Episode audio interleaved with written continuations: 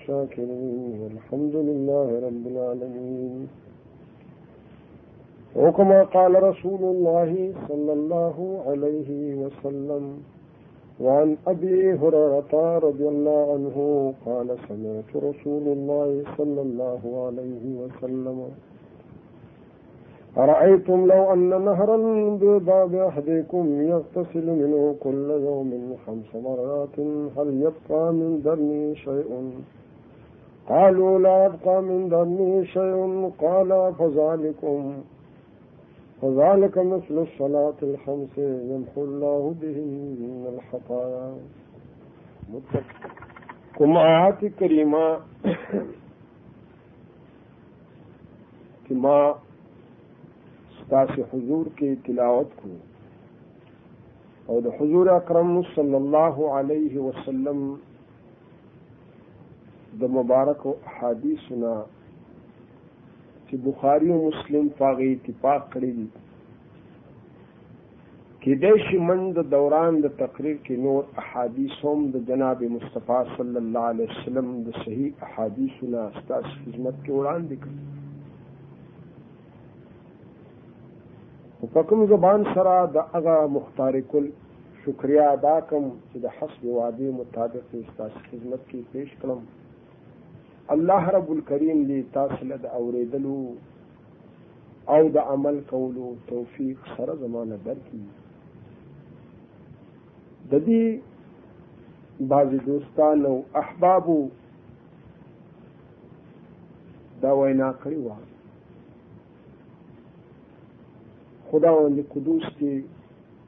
د هغوی اجر عظیم نصیب کړي او رب الکریم دې د نیک عمل او د دین د اشاعت دپاره دراز عمر نصیب کړي چې بعضې کسان خارج د دې مجلس نه هم وو چې هغوی دا عرض کړی وو چې رمولي صاحب مستقل په دې مانځه په فضیلت باندې که چېرته بیان وشي نو ډېر بخښي زموږ یو خوږ ملګری د هغوی د وینا مطابق نن ستاسو خدمت کې د مانزه په فضیلت باندې څه معمولی غوندې بیان کول غواړم الله د توفیق راکړي چې په هغه اندازه وشي چې هغه د صحیح روایتونو د قران کریم نه کوم آیات چې ما د یوشتمې پارې ړومبه سر دی الله رب الکریم فرمایي اتلو زما حبیبا ولولا هغه کتاب چې تا ته د ذوالجلال والاکرام د طرف نه درکړی شوی دی او دیم جز اقیم الصلاه ودرو منزل را یقینا د مونږ دی تنها منی کون کې دی هر بے حیا کار کغا قولا وی او که فعلا وی کغا ویناګانی وی او که کارونه چون کې په مانځ کې د خدای یاداش کیږي او خدای سره ملاقات دی نو ول ذکر الله اکبر خامخا یادول د الله ډیر وی دی والله یعلم ما تصنعون الله رب الکریم خپویږي پاغه کار باندې چې تاسو کوي د آیات کریمه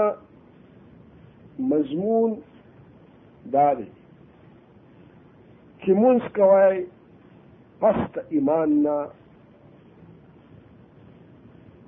ځکه چې دا ستن د دین نو په بناګانو د اسلام کې دیم نمبر دی نه ده اول د دې کلمې بیان دی چې اشهد الله اله الا الله د الله په یووالي ګواهي کول دي چې ما سوا د ذوالجلال والاکرام نه بل حاجتونه پوره کوونکی مصیبتونه لرې کوونکې، خوشحالي ورکوونکې، مختلف حالات د انسان په زندګۍ کې راوستونکې بل څوک نشته مګر یې یو الله دی او دویم بنا د اسلام مونځ نمونز ارکانو د اسلام کې یو اهم رکن دی ځکه جناب مصطفی صلی الله علیه وسلم ابي هريره راوي دی د حدیث حضور صلی الله علیه وسلم نه ابو هريره وینا اورېدلې دي ارایتم خبر راکئ که چرته وي د یو کس د کور په مخ کې نهر او هر ورځ پکې دا سړی لامبي نو پنځه کرتي نو د ده په بدن به د دې نه څه خیری پاتې شي او که نه اصحاب عرض کو لا یبقا حضرتنا ویل دا مثال د پنځو منځونو دی چې د یو منځ تر بل منځ پورې د د ګناونه صغائر دفع کی او د چې څومره د الله دفتر ته او خداوند قدوس په دلبار کې سرخ کته کوي او عجزی ذوالجلال والاکرام ته کوي نو دومره د داغه صغائر ګناونه واړه ګناونه په سبب د مون سره لري کیږي زه به ان شاء الله وختن په وختن په دې بیان کی تاسو ته اسرار د منځو خشوع چې عجزۍ سره مونږ با جماعت مونږ ادا کول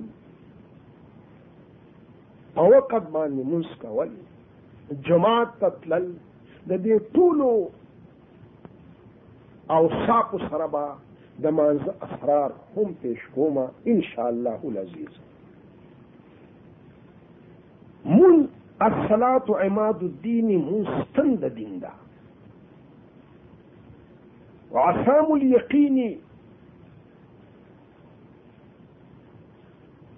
او دا یو بهترین وغرة الطاعات نو چون کې چې ستن د دین ده نو ستا دین تر هغې پورې مکمل نه دی ته کامل مسلمان تر هغې پورې نشي جوړېدی څو پورې چې په ارکانو د اسلام کې ادویم رکن چې پس د ایمان د قبولوالې نه پابند د مانځه ونه ګرځي او داسې مونځ چې هغه د جناب مصطفی صلی الله علیه وسلم د اصحابنا منګ او تاسو ته په میراث سره رسیدلې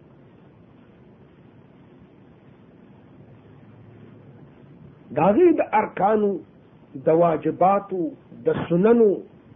په هر لحاظ سره داغه لحاظ ساتل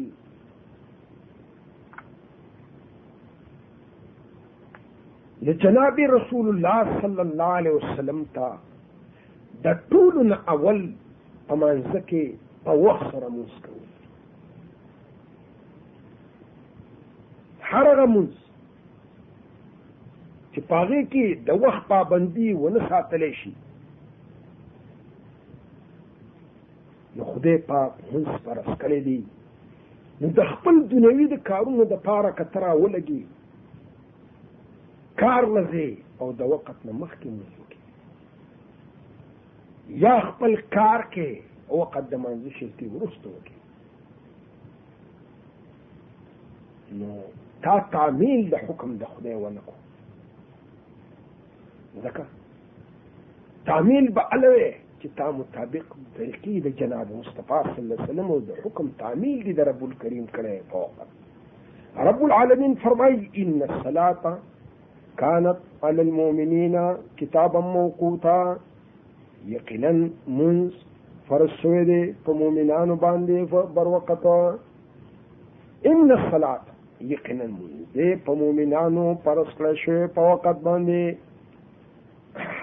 هر یو کار د رب الکریم نو صلات په پنځه منځونه او جمعه د بل جمعه پورې کفارت لما بینهن دا کفاره ده د ګناونو درجېدلو د پاره کله چې د لوی ګناونو نه ځان ساتي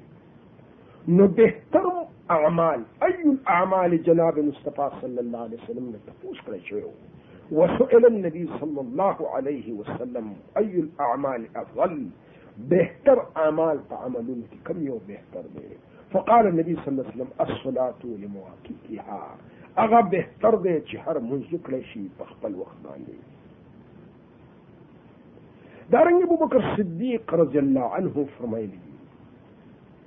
کله چې مونږ حاضر کړی شو نو هغه به پاسي مزدتا او ملکی هغه ور چې بل کړی شوی دی معنی څه ده مونږ وکړي چې د جهنم نم خدای پاک محفوظ وساتي نو په وخت سره فرضیت د مانځه راغلی دی خو په وخت سره به کې د دنیوي حواجتونو د دنیوي د کارونو د پاره به د الله هغه فرض کړی شوی بندګي نه ورستی کې بل جنابی رسول الله صلی الله علیه وسلم فرمایي من صلى صلاة لوقتها وأسبغ وضوءها وأتم ركوعها وسجودها وخشوعها خرجت وهي بيضاء مسفرة جناب مصطفی صلی الله علیه وسلم فرمایي چا چې موږ وکړو په خپل وخت باندې او ښه کوشش یې وکړو په اوداسه کې اتمام د رکوع یې وکړه پوره رکوع ټک ټکی یې د ځان نه نه جوړ کړی او دا رنګ سجده او خپ عجزی سره رب الکریم ته وکړه دا مونږ وخیږي رب الکریم ته تکسپین پړکیدون کوي او وای دا مونږ الله رب الکریم دې تا وساتي لکه څنګه چې زما اهتمام په خسته طریقې سره وکړو او چا چې مونږ کو بغیر د وخت نه او نه کوشش پاو داسه کې وکړو نه پوره رکوع وکړو نه سجده وکړو نه د عجزۍ سره د مونږ کو او خشوع نو راونغښتلی شي دا مونځ په شان د هغه زړې چرړی او د ده په مخ ویشتلی شي نو سړی چې کوشش کوي چې زما زه بندګي کوم او دس وکړي سړی جماعت ته حاضر شي نو بیا ته څه تم در لګېدلی چې سړی ښه په عاجزۍ سره ښه په انکسارۍ سره ښه په خوشو سره او خو پنځه شپږ منټه به زیات لګي نو په کار دا دی چې دې ښه کوشش وکړي د پاره د دې خبرې ځکه جناب رسول اکرم صلی الله علیه وسلم فرمایي د عثمان بن عفان نه روایت دی رضی الله عنه فرمایي سمعت رسول الله صلى الله عليه وسلم يقول ما من امرئ مسلم تحضر صلاة مكتوبة فيحسن وضوءها وخشوعها وركوعها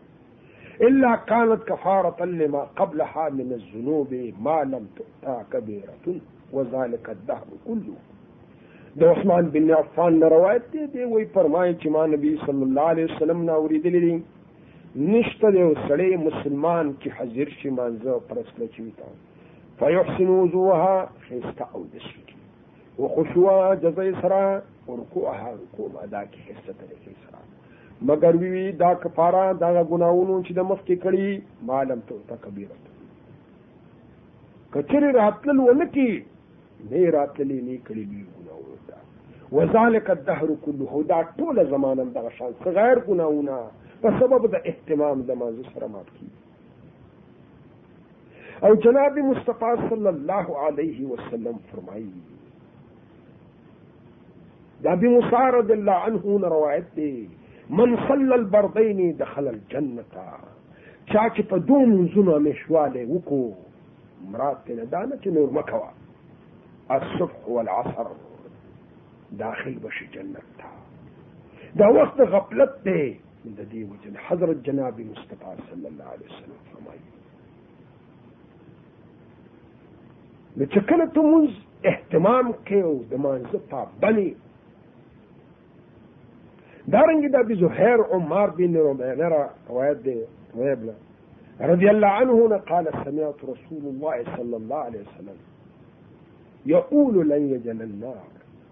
احد صلى قبل طلوع الشمس وقبل غروبها يعني الفجر والعصر جناب مصطفی فرمایي هرگز به داخل نشي جهنم ته احد یو کس چې د مونږ کې په خوا د خطلو د نور نه مراد ته سبا دی او په خوا د پریوتلو د نور نه چې مراد ته نمازي ګر دارنګ جناب رسول الله صلی الله علیه وسلم فرمایي ابي هريره راوي دي یاد وساتئ چې په دنیا کې ته یو کار کې او د دین د پاره کې نو بیا څه چلې چې کوشش وکړي چې الله د نه خوشاله شي مراد دې نه داله چې کله دا باندې مونږ پر سره شوې د الله د طرف نه مونږ د باندې فرض دی او دا ستا یقین دی چې الله د طرف نه فرض دی بیا سستی کې او فوقت یې نه کوي نو دا ستا د بربادۍ یو پټ سبب دی جناب ابو هريره فرمایي رسول الله صلی الله علیه وسلم فرمایلی دي يتعاقبون فيكم ملائکه بالليل وملائکه بالنهار څوکیدارانی دي بعضی فرشتي چې ستاسو پسې ګرځي صد شپې دي او صد ورځې دي ويجتمعون في صلاة الصبح وصلاة العصر چې دوی د یو بل سره جمع کېږي په مانځه د سبا کې او په مانځه د مازیګر کې ثم یعرض الذین بیا خېږي هغه فرشتي باتو فیکم چې شپه یې تېره کړې ده ستا سره فیسألوهم الله نو دوی له تپوسو کې رب الکریم وهو اعلم بهم الله ښه پوهېږي په دوی باندې خو د دوی د خولې نه سوال جواب اوري کیف ترکتم عبادي تاسو زما بندگان څنګه پرې خو دي فیقولون ترکناهم وهم یصلون من پرې خو د دیو لرو دی موس کو او اعطیناهم وهم یصلون او راغلی من دیو ته دیو په حالت د مانځک د مازیګر او د سبا نو چې کله جناب رسول الله صلی الله علیه وسلم دا نو حضور صلی الله علیه وسلم فرمایي چې تاسو کم یو سړی چې د سار او د مازیګر په مانځ کې سستی نه کوي په وخت یې کوي حضرت فرمایي فنظر القمر یو ځلې وی کتل لیلة البدر د سوار لسمې شپې سپوږمۍ وه فقال إنكم سترون ربكم كما ترون هذا القمر زر ده چې تاسو به خپل خدای ته ګورئ لکه څنګه چې تاسو د څوارلسمې سپوږمۍ وینئ نو فین استطعتم نه به تاسو باندې څه ګډوډوالی راځي او نه به مشقت وي ستاسو په لیدلو کې د رب الله تغلبو على صلاة قبل طلوع الشمس چې غافل پاتې نشئ ګورئ مخکې د ختلو د لور نه پاغه مانځه وقبل غروبها فافعلوا دا کوئ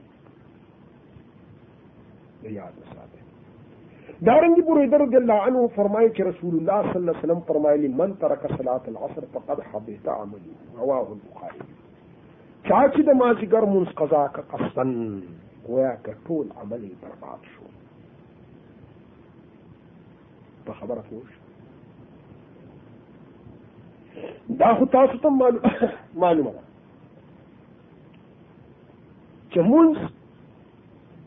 د انسان لپاره د خدای په دلبار کې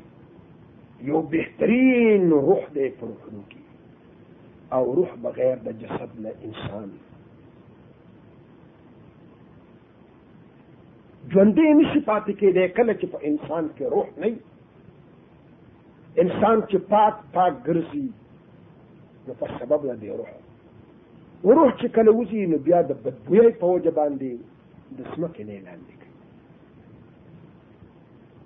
خو کله چې روح د بدبویۍ سره اموخته شي د ګناهونو سره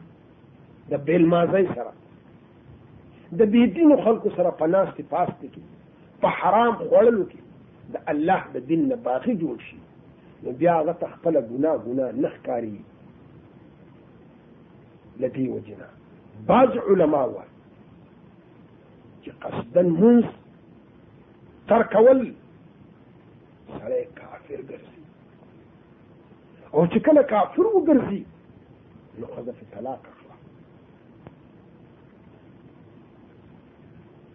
نو سلیخ داسې اصحاب دي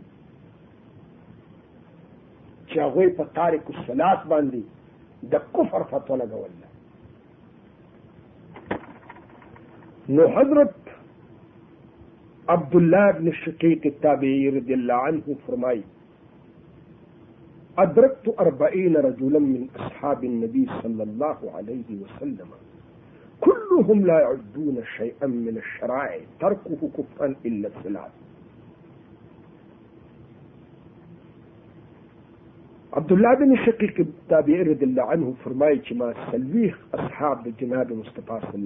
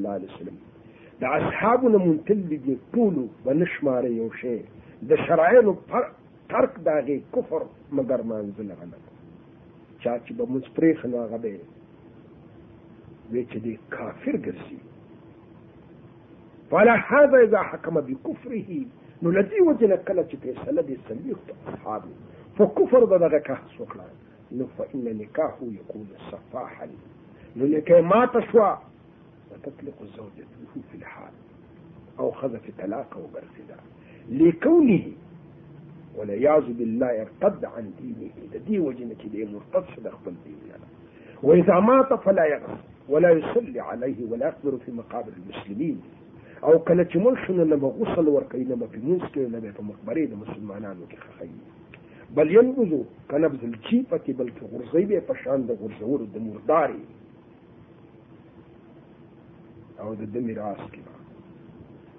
ومن عرف به ترک الصلاه او التهاوي کله چې تاو په جان دا خبره چې پرې خودل د مانزو یا سستی پک کول او دا سړی دی په جان چې دې په موږ کې سستی کوي دا موږ قصدن قضا کوي نه کوي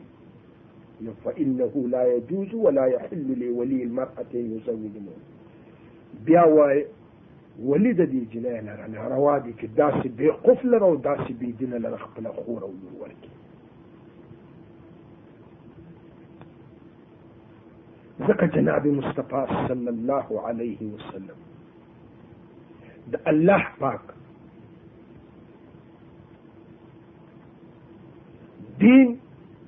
تسپک قتل یا دین باندې مطابق ژوند هغه کې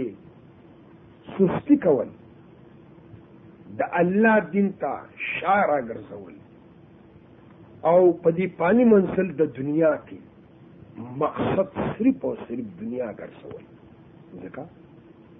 مونږ چې دی دا مشتمل دی په اقوال او په افعال عبودي باندې چې د الله د طرف نه دی نو بعضې اثارو کې دا خبره وارد ده من حافظ على الصلاة چا چې ساتنه کوله په مانسه باندې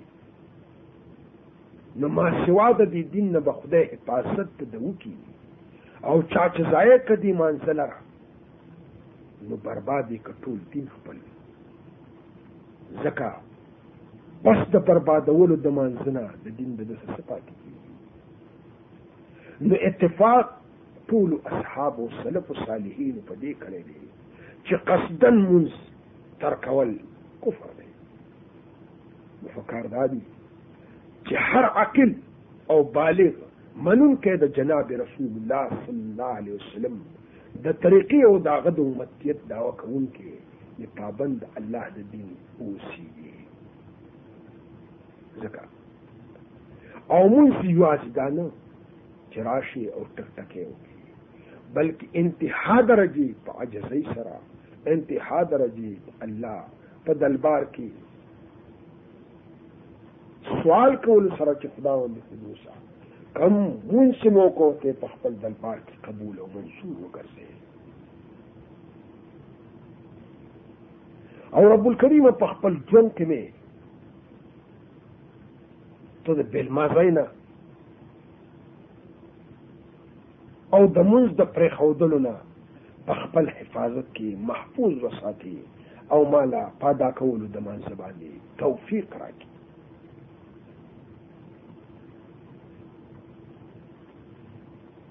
د منځ پرې خودل خو تا اوفه جانده چې دا عظیم جرم دی او دا دی او پیجانده چې ارکان د مانځو په وخت سره مونږ کول هر یو کار رکن په صحیح طریقې سره ادا کول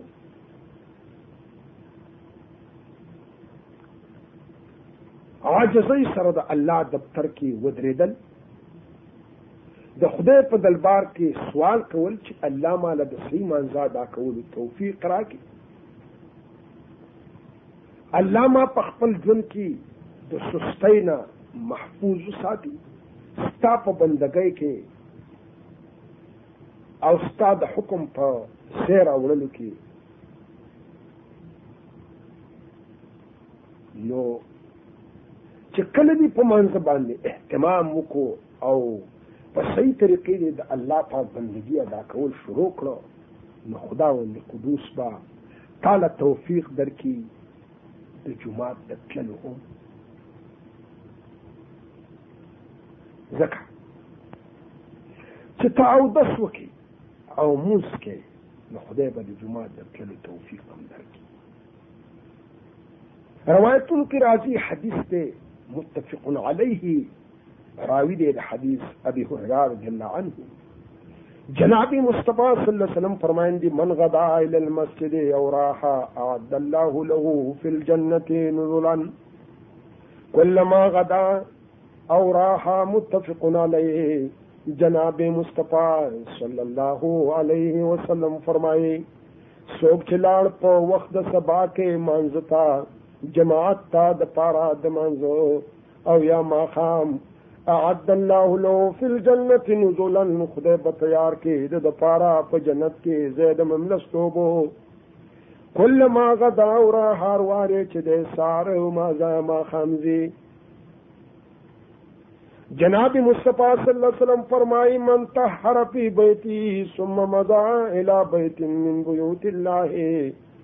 ليقضي فريضة من فرائض الله كانت خطواته احداها تحت خطية والآخر ترفع درجة رواه مسلم جناب مصطفی صلی الله علیه وسلم فرمایي چا چې یو د سکو په خپل کور کې بیا روان شو یو کور ته د کورونو د الله نه د دې د پاره چې ادا کې یو فرضیه د فرایزو د رب الکریم نه چې مونځه نوي د هر قدم د ده په یو قدم قدم اخیستو باندې ګناهونه لرې کېږي او په بل قدم باندې درجات پورته کېږي یعنی په ذلت جماعت ته دومره دي چې ستا هر یو قدم د دې وجې نه بعضې اصحابو رضوان الله اجمعین به واړه واړه قدمونه یې ښوده لکه ابی ابن کعب رضی الله عنه فرمایي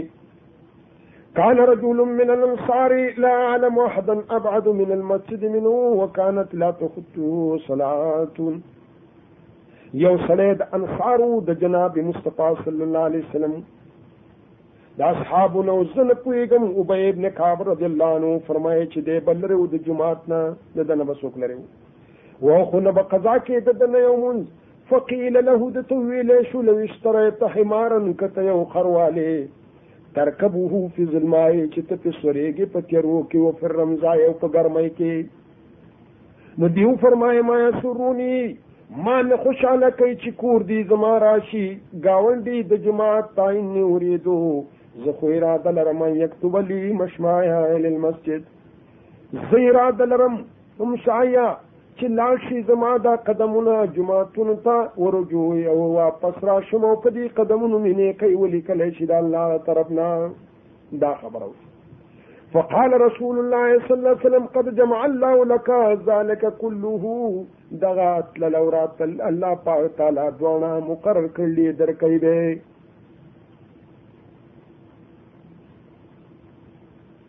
معلومیږي دا چې په یو قدمي خودو باندې درجات ملاویږي جماعت ته ځکه جناب مصطفی بن موسی رضی الله عنه روایت دی قال قال رسول الله صلی الله علیه وسلم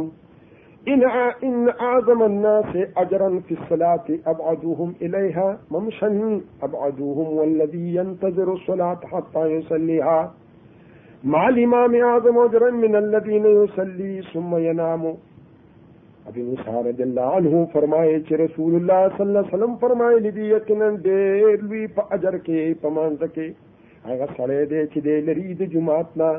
پیاده راځي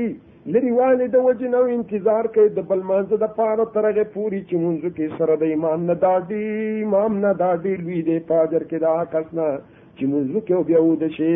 دا انتظار هم په مانځه کې شمار دی دا د انتظار د جماعت ته په تیاره کې تلل جماعت ته په یخنۍ کې تلل جماعت ته ځان رسول د وخت نه مخکې جناب رسول الله صلی الله علیه وسلم بشارت ورکړی دا سړي لا چې څوک په سسته یخنۍ کې یا په تیرو کې رواني د الله پاک کور ته د پاره د ادا کولو د فرایضو د مانځه ذوالجلال والاکرام داسې سړي د پاره په هغه ورځ چې د هغه ورځ کې به رڼا نه وي هغه ورځ چې الله به روښانه کړي ځمکه په خپل رڼا سره نو د هغه کس دپاره کم کس چې د الله د رضا دپاره دی رواني جوماتونو ته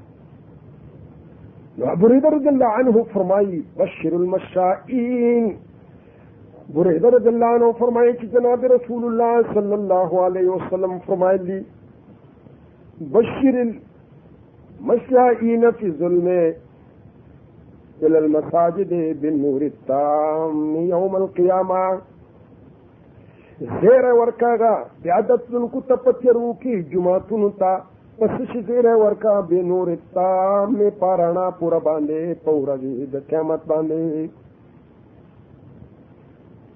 یعنی په دې دنیا کې خو سړي سره ډیوي لاټینې بیټي سرناګانې د قیامت په تیرو کې د هغه کس لپاره ډېرې خوشحالۍ دي کم کس چې خپل ژوند الله د رضا دپاره نه ترې ته وکاته نه یخنۍ ته وکاته نه یوازوالي ته وکاته او نه ګرمۍ ته وکاته او نه یخنۍ ته نه ورځې ته نه شپې ته او د الله د دین د سربلندۍ لپاره د الله د فرایضو د ادا کولو د پاره د ذوالجلال والاکرام د حکم د منلو د پاره د ذوالجلال والاکرام د تامین د حکم د پاره د روان دی جمعات ته کونټۍ لګوي بوډا دی سپینګری دی جوان دی مسافر دی کوربه دی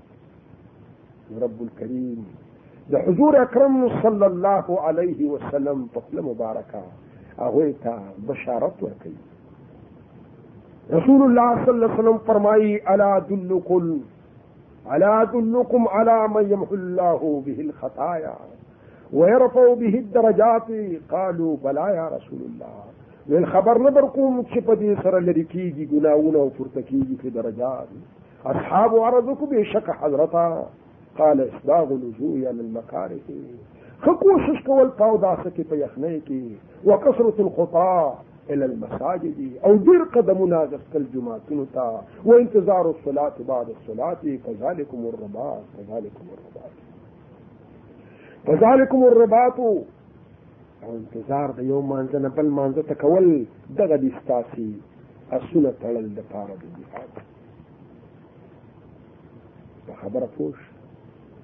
په خبره پوه شئ نو جناب رسول اکرم صلی الله علیه وسلم فرمایي چې څوک مانځله په وخت روان یو د الله پاک د د فرض مانځه د ادا کولو دپاره لیکن نه دا منی کوي چیرا ګرمي دا یخني دا یوازې نو رب الکریم په جهاد د پاره کې اصل تړلې یو ساتي چې جهاد به جوړیږي دا د د خدای لکه جهاد ته چې تیارې و ځکه د نفس جهاد دارنګي مونږ یو پیژان چې مونږ په کار دی او بیا جماعت ته د تللو مو پیژان دو اوس په ذلت د چنې د مانځه او د یوازې مونږ په منځ کې سفر دی زما خو ګورو الله پاکم د صحیح مانځه د ادا کولو توفیق دې خدای درکړي او ذوالجلال والاکرام دې بیا با جماعت د ادا کولو توفیق درکړي ګوره جناب مصطفی صلی الله علیه وسلم فرمایي چې ځان لمونځ او با جماعت مونځ ویش درجه فرق دی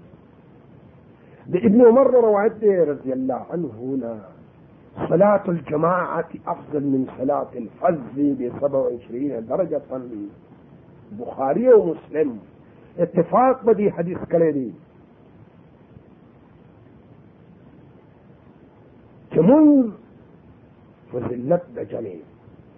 مونږ با جماعت ادا کول د هغه مانسنه په ویش درجه به تر دې کم چې سره یوازې کی یې کوټي ځکه دارنګي جناب مصطفی صلی الله علیه وسلم دا بیان کړی دی چې یو سړی د جمعې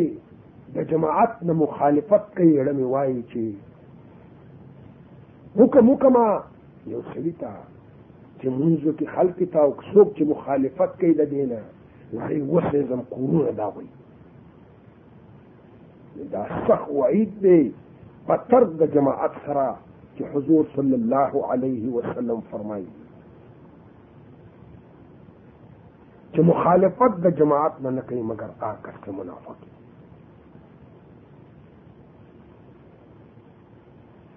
دارنګي جناب مصطفی صلی الله علیه وسلم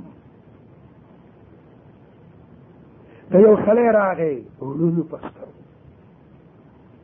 حضرت ته یې ویل لیس لي قاعده یقودني الى المسجد زما سره څوک سړی نشته چې ما راولي جماعت ته حضرت نو فسأله راته پوښتې چې د دې وجې نه وکړه یرخصه له چې ده ته رخصت ورکړی شي چې په کور کې لمونځ کوي فیصلي فی بیته چې لمونځ کوي په کور خپل فرخص له رسول الله صلی الله علیه وسلم یلته ټیک د تاسو برشته فلما ولا هر کله چې سړی را روان شو دعا خو راوي وکړو فقال له ورته ویل هل تسمعون ندا اذان اوري کنو للصلاة د مانځه د پاره قال نعم قال فاجبه راځه مانځه ته ځکه حضرت جناب مصطفی صلی الله علیه وسلم فرمایلی لا صلاة لجار المسجد الا في المسجد نه دی موږ د ګاونډي د جماعت لپاره مګر په جماعت کې نو معلومېږي دا چې د جماعت مونځ دومره بهتر دی چې حضرت صلی الله علیه وسلم نن ته اجازه ورنکو چې ته ورې ځان نه مونځ او بل حضرت ابو هريره رضی الله عنه فرمایي قال والذي نفسي بيده جناب مصطفى ان رسول الله صلى الله عليه وسلم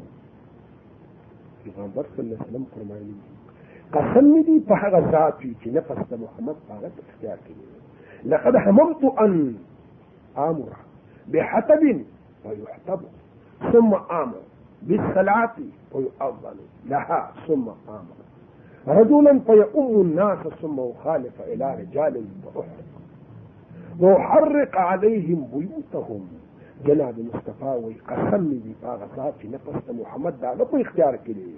قص وکما چې حکم وکم یو سړی ته چې لرګي راجمع کی بیا حکم وکم چې اذان وکا اذان وشي بیا حکم وکم یو سړی ته چې امامتي وکا څوک چې مخالفت د سړو نه پاتې شي چې وسې زم کورونه د دې د سره چې حضور صلی الله علیه وسلم انتها درجه ترغیب ور کړی دی او حکم یې کړی دی په ادا کولو د مانځه سره په جماعت سره او د جماعت نه مخالفت نه کوي مګر آ کس چې دا ډېر بدبخت دی او حضور صلی الله علیه وسلم فرمایي هغه کس د ابو درده نه روایت دی چې سمعت رسول الله صلی الله علیه وسلم چې ګډه او بیزا چې کله د جماعت نه جدا شي نو شرمخانې خوري نو کله چې یو سړی ځان نه مسود کي نو د وسوسونه او د فکرونو ډکي حضور قلبي پکې نه د خدای یاداشت پکې نه یره پکې نه سوال او التجاګانې پکې نه او جړا او پریاد پکې نه او ذوالجلال والاکرام په دلبار کې عاجزي نه ځکه بې فکره ورسو کی د عثمان بن عفان نه روایت دی رسول الله صلی الله علیه وسلم نو ما اوریدلی دی من صلى العشاء في جماعة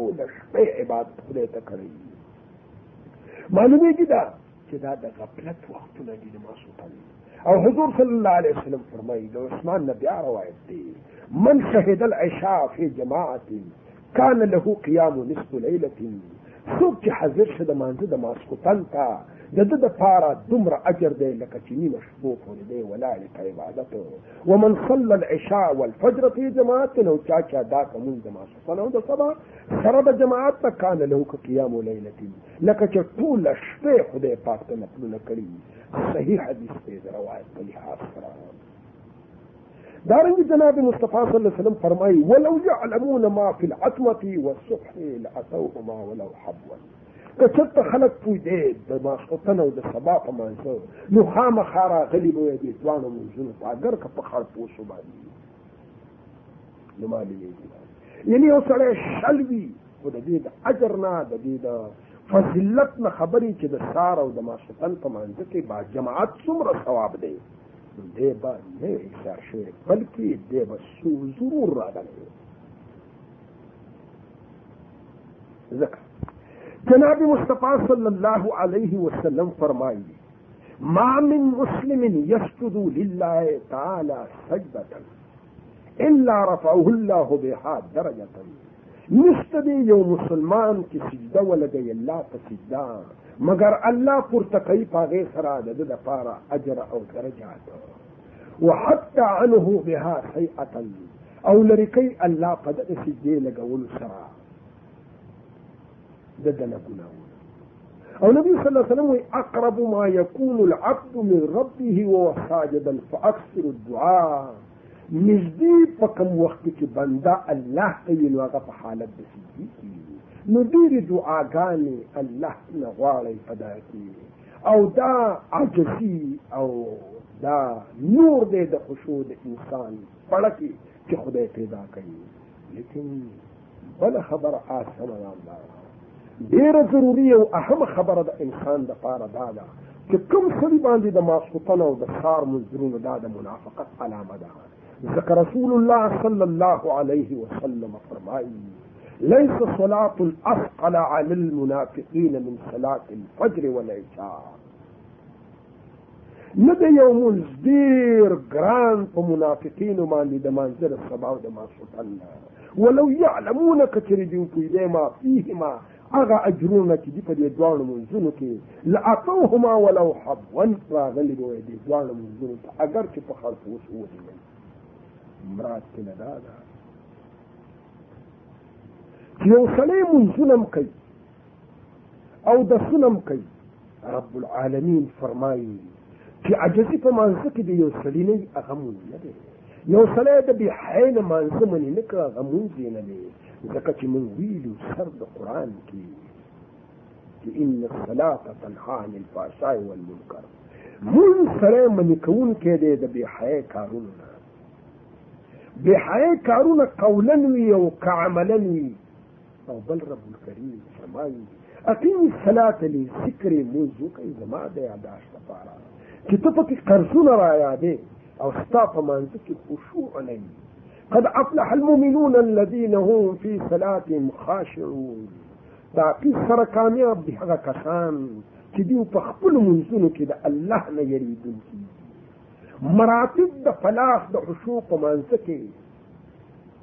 د هر انسان د عمل پورې منحصره ده څومره چې خدای پاک نه یریدونکی دومره به خدای تعالی زیاتې د عاجزۍ توفیق درکړی که مانځه کېږي څومره چې ته پابند دي د مانځه نو دومره به تعالی خداوند قدوس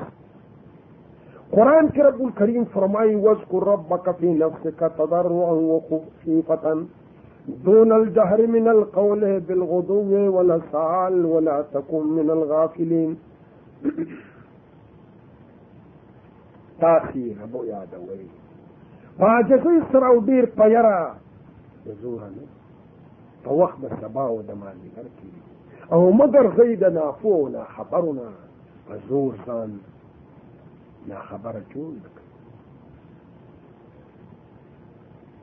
کم سړی چې مونږ کوي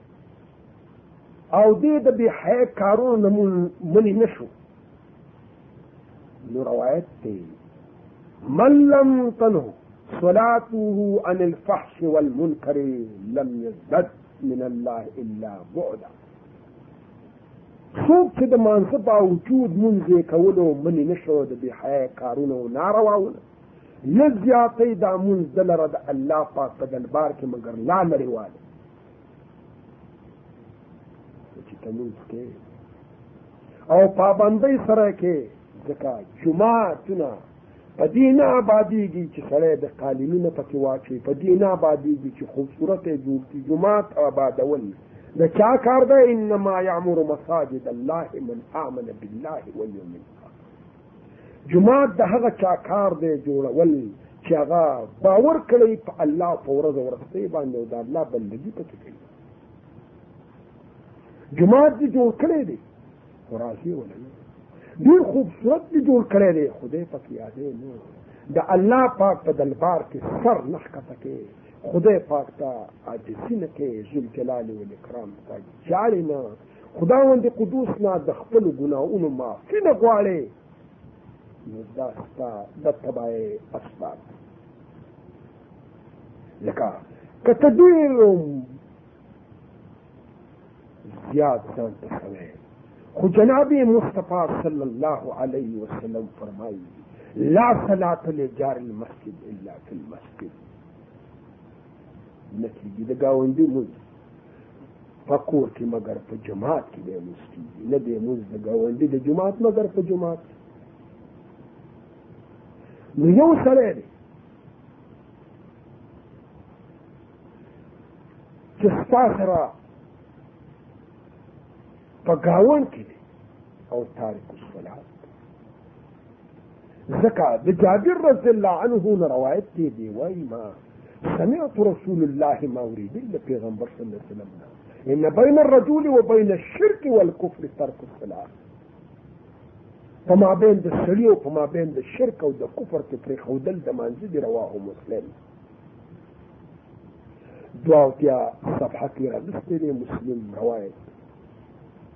دارنګي بریده رضی الله عنه فرمایي چې العهد الذي بيننا وبينهم الصلاه لوث په مابین زمنګ هغه لوث چې کله دي زموږ سره امو فمن ترکها فقط کفر ترمذی راغسته دی حدیث حسن دی صحیح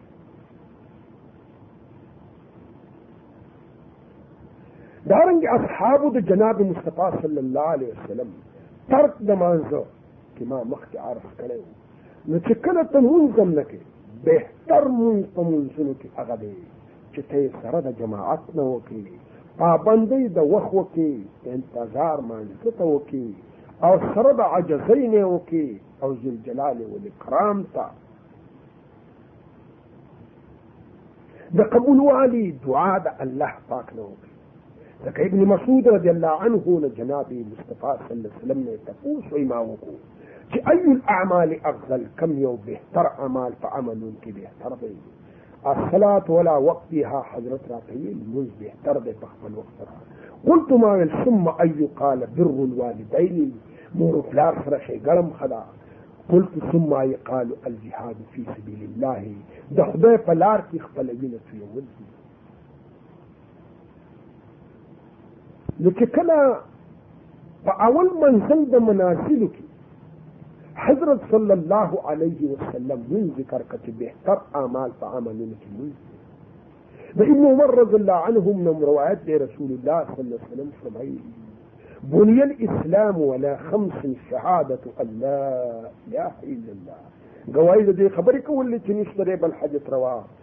وان محمدا رسول الله محمد د الله قاصد دی و اقام الصلاه او ادا کول د مانځي د کلمې د توحید نه بعد اهم رکن د ارکان د اسلام نه مونږ کوي نو چې مونږ کې دا مونږ د انسان د پاره د مانسه د پاره یو بهترین روح او روح چې په جسم کې نه وي نو هغه جسم بېکاره کېږي او خلک یې بیا او غورځوي نو یاد وساته چې کوم وقت ذوالجلال والاکرام تاسو له درکړی دی او زندگی درکړی ده او عمر یې درکړی دی په دې عمر کې بهتر وخت او ځواني درکړل ده او په دې کې د الله د یو اهم عبادت یا غمون او په هغې کې تاسو سستي وکړئ نو جهاد کې بس رمضان کې حج کې زکات ورکولو کې ځکه دا د اسلام د اقرار کولو نه وروسته دا یو بهترین رکن دی د ارکانو د اسلام نه او خداوند قدوس دی موږ له په صحیح طریقې توفیق د دې دا دا کولو راځي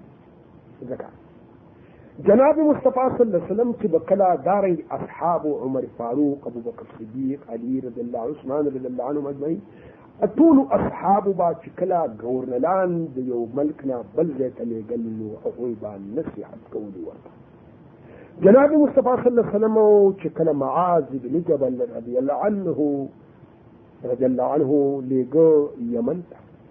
نو معاذ رضی الله عنه فرمایي چې رسول الله سلام زه یمن ته لېږلم نو فقال ما ته ویل انک تأتي قوما من اهل الكتاب تا ته به راځي قومونه د اهل کتابو نه نو فادعوهم الى شهادة ان لا اله الا الله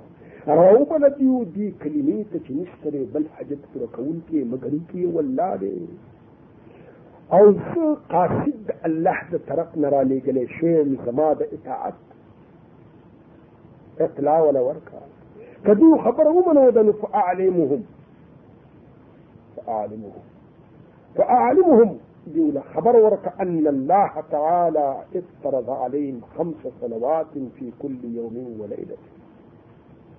کله چې د یووالي د الله اقرار وکړو نو دوی ته خبر ورکړه چې الله د باندې مونږ فرض کړی دی په شپه او ورځ پنځه مونځونه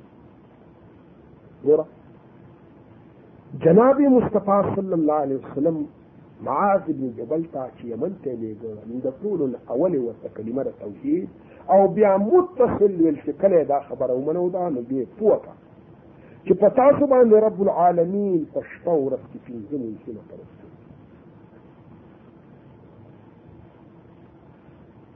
جناب مصطفی صلی الله علیه وسلم فرمایي چې د انسان سره به د قیامت په ورځې د ټولو نه اول حساب چې کېږي د مانځه په باره کې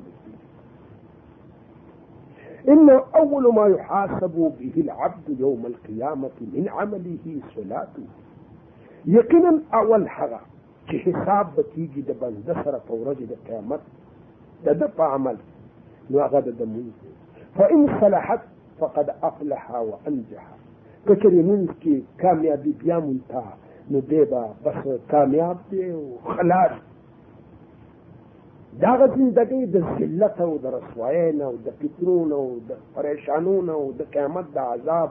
د ذلت نه او د الله په دلبار کې مخلوقات به ولاړي د شرمېدلو نه به دی کامیاب شي او ښه دی وان فسدت او که چرته په دې مونږ د برباد کړی وو نو فقد خابا وخسر تاکي سره تاوانی دی برباد دی ها فإن انتقص من طريقة شيئا كشرت نقصان شو پرایږي ټیک کړي دي صحیح کړي خو کمی کړي نقصان پکې راغلی دی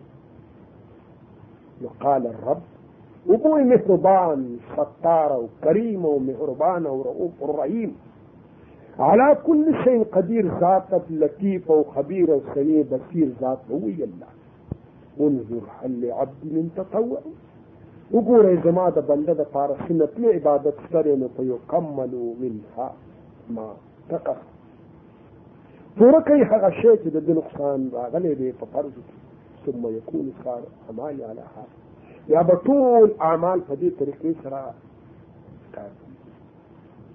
معلومیږي دا چې مهربان ذات الله دی هغه ذات دی ذوالجلال والاکرام چې په خپل بنده باندې څومره مهربان دی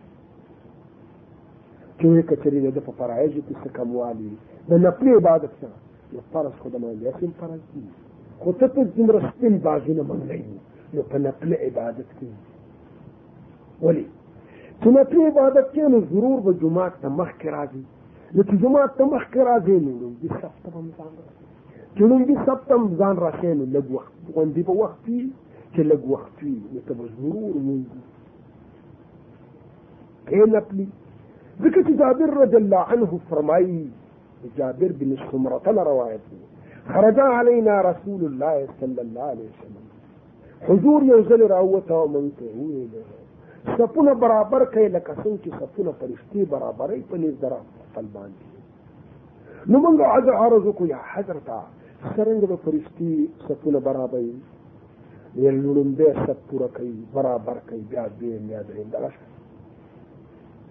نو حضور صلی الله علیه وسلم فرمایي خیر صفوف الرجال اولها غوره د صف په صفونو کې لاول صف دی د سړو او شرها آخرها او ناکاره پکې ورسوي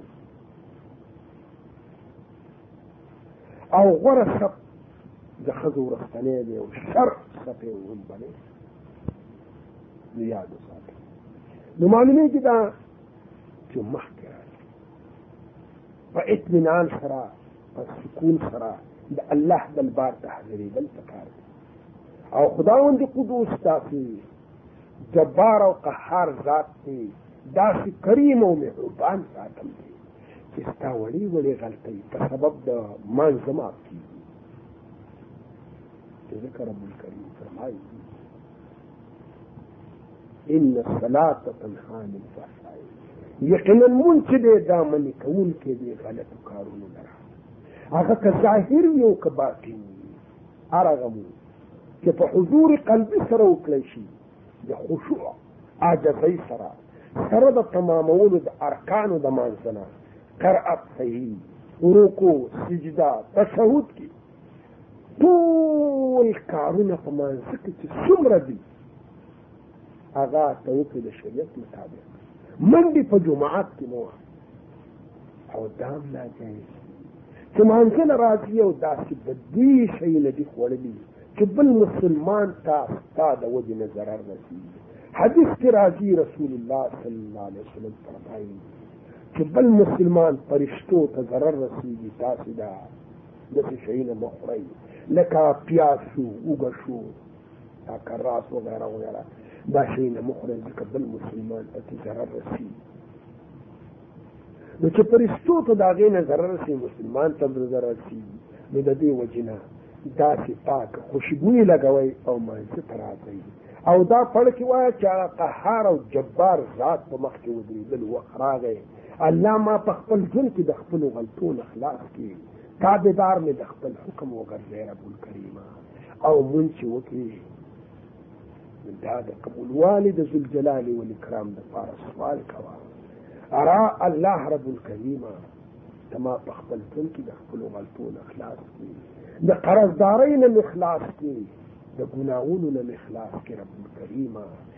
الله د چینې تابعدار تابع فرمان د خپل حکم وګرځي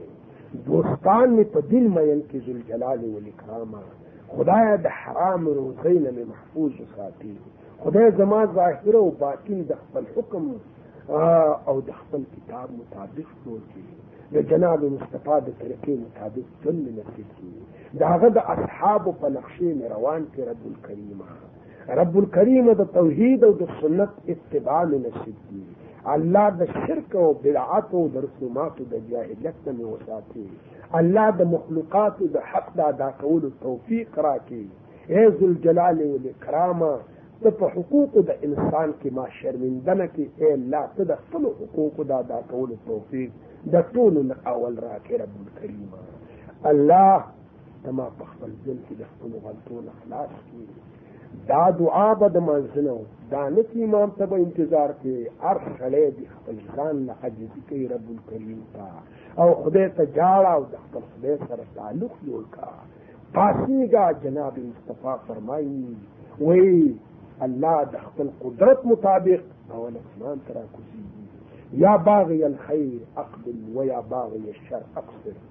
اے کوونکی د جرایمو جرمونو نه توبه کا ما ته راشه زه به دې هر څه معاف کړم اے کوونکی د نیکو را مخامخ شه چې قبولوالی درله درکړم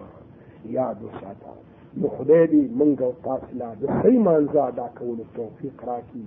دا مختصر عرض مې ستاسو خدمت کې عرض کوو لید واسق دی ځکه مې خبرې یا بې ترتیبه وي شوي نو تاسو به دا الله په دلبار کې زه دا دعا غواړم یا الله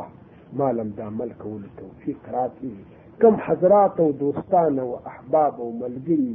او زمونږ مؤمنان وروڼه چې اوري ای الله چې په هغو کې د علم کمی وي خدایه د عمل او د دین د توفیق د زده کولو وله ورکړي ای ذوالجلال والاکرام ستا د کتاب د یادولو توفیق ورکړي الا کوم دوستان چې د دین خدمت کوي کاغه په قلم کوي کاغه په وینا کوي کاغه نور زموږ دوستان او احباب یا الله تا غوی په عمرونو کې برکت واچوي یا الله د شیخ شاګردان ټول تل اتباع د سنت او نصیب کی او اشاره توحید توفیق ولا ورکړي الله څومره شاګردان چې د حضرت شیخ دي د هغه قبر الله رب الکریم د حضرت شیخ د قبر د خپل نور نه ډکوي شاګردان یې په خپل ژوند کې الله پاکه